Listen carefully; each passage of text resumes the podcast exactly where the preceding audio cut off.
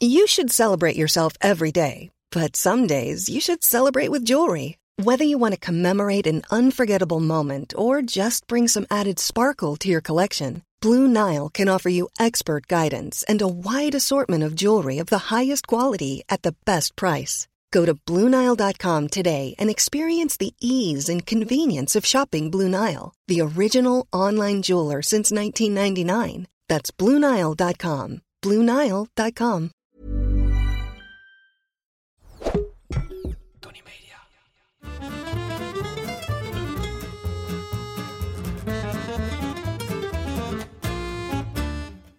Ik ben Julius Jaspers en ik ben meer dan dol op eten. Iedere week pak ik één product uit mijn voorraadkast en zal jullie daar alles over vertellen. En vandaag is dat friet. Of is het nu patat? Laten we maar even beginnen met de naam. Ik duik straks in de historie. Maar zeg je nu patat of zeg je nu friet? Buiten de vaak quasi-nette mensen die allemaal friet zeggen, maar die praten dan ook nog altijd over ijskast, is het met de gefrituurde aardappelstokjes vrij simpel. Boven de rivieren is het patat, onder de rivieren spreekt men over friet. Omdat ik zo'n quasi-nette figuur ben, heb ik het vandaag verder over friet. Mijn oudste herinnering aan patat gaat terug naar de snackbar in mijn geboortedorp Oudekerk, die heel toepasselijk Jan Patat heette. Jan had een soort frietketen aan de rand van het dorp waar wij natuurlijk nooit kwamen, want de Jaspertjes aten geen friet. Dus dat at ik bij de buren op vrijdag of zaterdagavond als de buurvrouw geen zin had om te koken. Friet uit grote zakken, licht slap geworden door de 10 minuten lange autotocht en dan besprenkeld met magie. Een feest. Toen ik eenmaal met de fiets richting middelbare school ging, hield niemand me meer tegen en was de beer los. Althans, op vrijdagmiddag na school. Volgens verschillende bronnen zou friet al aan het eind van de 17e eeuw zijn ontstaan. Gefrituurde stukjes aardappel zouden voor het eerst in Spanje zijn bereid door Teresa van Avila in een steelpan met kokende olijfolie. Zo is te zien op een schilderij van Francesco Rizzi uit 1675. Nee hoor, frietjes komen van oorsprong uit Wallonië, roept historicus Jo Gérard, en zijn ontstaan zo rond 1680. En daar heten ze patat friet, ofwel aardappels gefrituurd. Jo claimt dat er in de Ardennen veel op kleine visjes werd gevist, die na vangst direct aan de kant werden gefrituurd. Als de stroming te groot was, of als het in de winter sneeuwde, werd er niet gevist, maar werden er aardappels in de vorm van die visjes gesneden en werden die gefrituurd. Velen roepen dat dit onzin is, omdat olie in die tijd veel te duur was om zomaar even een aardappeltje in te hangen. Maar Denjo heeft het van zijn voorouders, hoewel dat verder nooit is gedocumenteerd. De term patat friet komt voor het eerst in 1856 in druk voor in het kookboek Cookery for Maids of All Work door E. Warren. Maar voor de eerste frieten in Nederland moet je zo'n 150 jaar terug en dan richting Breda. Al in 1868 adverteerde de eigenaar van een Vlaamse gebak- en frietkraam in de Bredase Courant met pomme de terre friet. Onze frieten worden in Amerika French fries genoemd. In Engeland chips, niet te verwarren met crisps, wat wij weer chips noemen. En pommes frites of pomponnef in het Frans. Die pont-neuf is omdat de Fransen claimen dat zij de frieten hebben uitgevonden. En hun eerste frietkraam op de Pont-Neuf stond. Je weet wel, de oudste brug van Parijs, die in 1985 nog door kunstenaar Christo is ingepakt. De naam French fries is ontstaan omdat tijdens de Eerste Wereldoorlog de Amerikaanse soldaten in België de gefrituurde patatjes aten. Ze noemden ze French fries omdat de locals ter plekke Frans spraken. Die Amerikanen ook. Friet met mayo eet je alleen in Nederland en een beetje in België. Maar in Frankrijk, Spanje en Amerika krijg je er keihard ketchup bij. In Nederland krijg je bij de Mac de onverslaanbaar lekkere McDonald's frietsaus. Behalve als garnituur of bijgerecht zijn er ook een aantal gerechten die friet als basisingrediënt hebben. Zoals bijvoorbeeld de kapsalon. De kapsalon is een uitvinding van de Rotterdamse kapper Tati Gomez, God hebben zijn ziel, die tijdens de avondopening altijd patat met shawarma, gesmolten kaas en sla bestelde bij de snackbar aan de overkant. Toen een klant dat op een dag ook wilde, zei hij: Bestel maar een patatje die die man van de kapsalon altijd neemt. Een wereldhit was geboren. Een ander frietgerecht komt uit de Franse provincie Quebec in Canada en heet poutine. Overvol bord met friet, daarop stukjes kaaswrongel, dat is gestremde melk vlak voordat het kaas wordt, met bruine jus. Een heel licht hapje. Een ander goed gerecht is steppengras.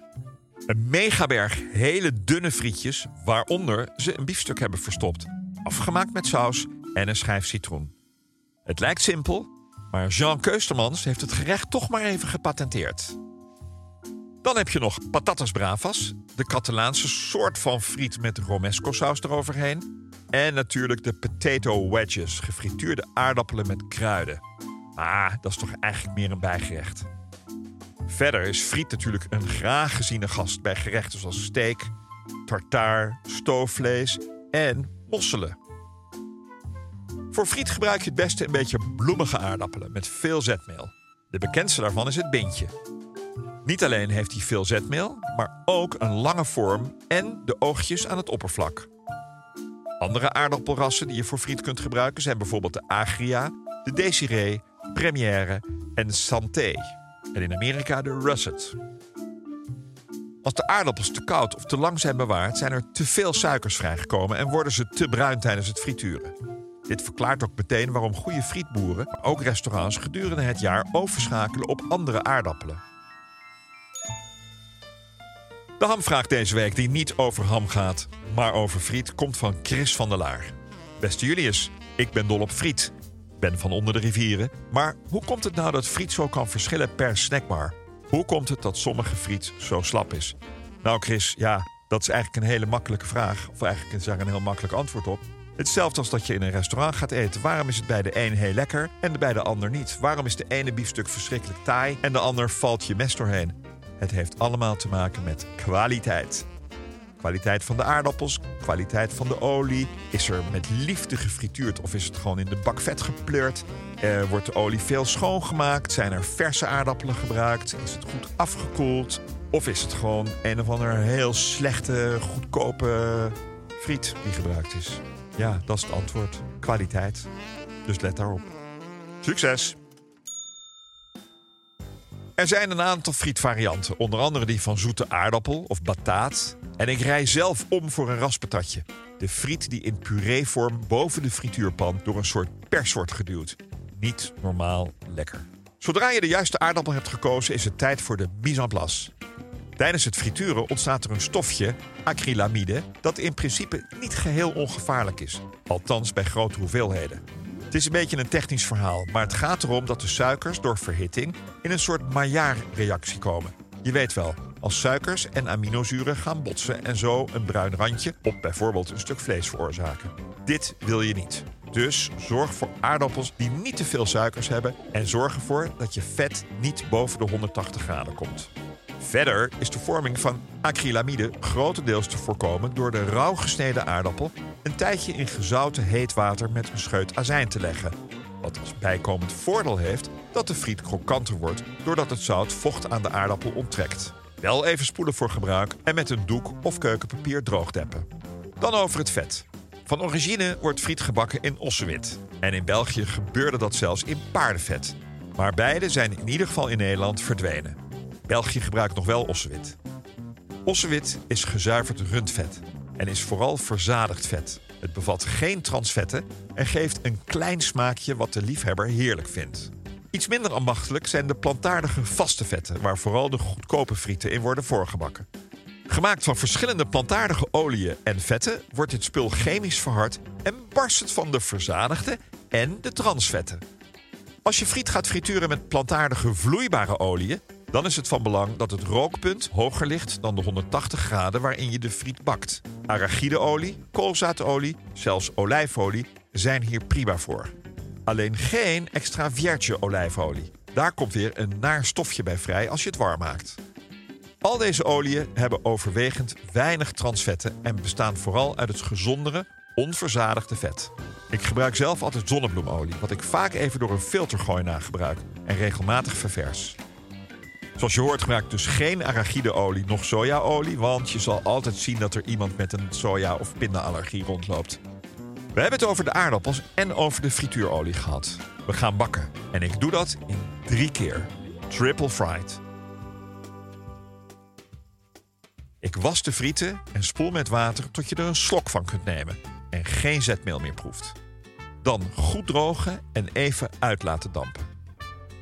De eerste keer frituur ik een minuut of vijf op 150 graden, waarna ik de friet laat uitlekken en uitgespreid op één of meerdere platen laat afkoelen tot echt koud, dus in de koeling.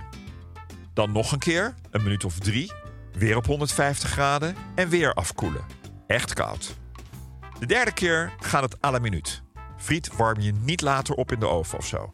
En frituur ik op 180 graden tot ze mooi goudbruin en krokant zijn. Ik noem bij die laatste keer bewust geen tijden. Dikke friet moet langer dan dunne friet. Lijkt me logisch. Voor mij is dit de beste methode. Maar het kan ook in twee keer. Waarom? vraagt mijn redacteur Floor dan. Omdat je de eerste keer op lagere temperatuur zorgt dat de aardappel gaar wordt. En de tweede en eventueel derde keer zorgt dat het kreng krokant wordt. Ik noem nog even de airfryer. Door de een omarmd en door de ander verguist. Het duurt een stuk langer, maar je gebruikt een sloot minder olie. Ik ben hier niet zo in thuis, want ik heb geen airfryer. Maar ik hoor gemengde resultaten. Wat betreft de frietmaten kennen we er een aantal. Je hebt de stroofrietjes, de dunste, met 5 mm, zelfs wel eens dunner. Franse frietjes, denk aan de Mac, 6 à 7 mm groot. De volgende maat is 8-9 mm voor normale Nederlandse dunne friet. Dan 10-11 mm, hè, je gaat al over een centimeter heen, voor normale Nederlandse friet, de ouderwetse friet. Dikke friet noemen ze ook wel oerfriet, met 12 tot 15 mm. En Vlaamse friet is eigenlijk ook die maat, alleen zijn die vaak niet vierkant, maar plat. Wat betreft friet ben ik redelijk verwend. Op een enkele uitzondering na komt de beste friet uit eigen keuken. Klik op de link in de beschrijving van deze aflevering voor een uitgebreide how-to. Ondanks de cultstatus die friet tegenwoordig wel eens kan hebben, denk aan friet van de Frietboutique of friet uit Zuid, is zelf maken mijns inziens nog altijd het allerlekkerste. Oh, en uh, frietsaus of mayo hoor ik je nu denken. De meeste snackbars serveren vaak frietsaus, want goedkoper. Frietsaus is me vaak net iets te zoet, maar het is wel een stuk magerder als ik het zo mag noemen. Het is 294 of 680 calorieën per 100 gram. Maar toch opteer ik voor de mayo. En dan die van Kewpie uit Japan, uit die zachte babyshampoo fles. Dat was hem over friet. Zeker niet alles, maar best wel wat. Ik zou nog wel een uurtje door kunnen gaan.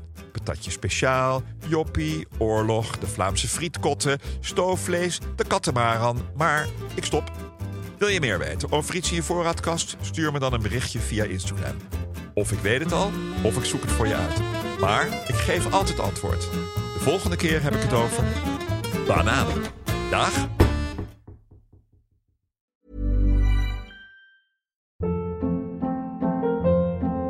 Hold up. What was that? Boring. No flavor. That was as bad as those leftovers you ate all week. Kiki Palmer here, and it's time to say hello to something fresh and guilt-free. Hello Fresh. Jazz up dinner with pecan-crusted chicken or garlic butter shrimp scampi. Now that's music to my mouth. Hello Fresh. Let's get this dinner party started. Discover all the delicious possibilities at hellofresh.com.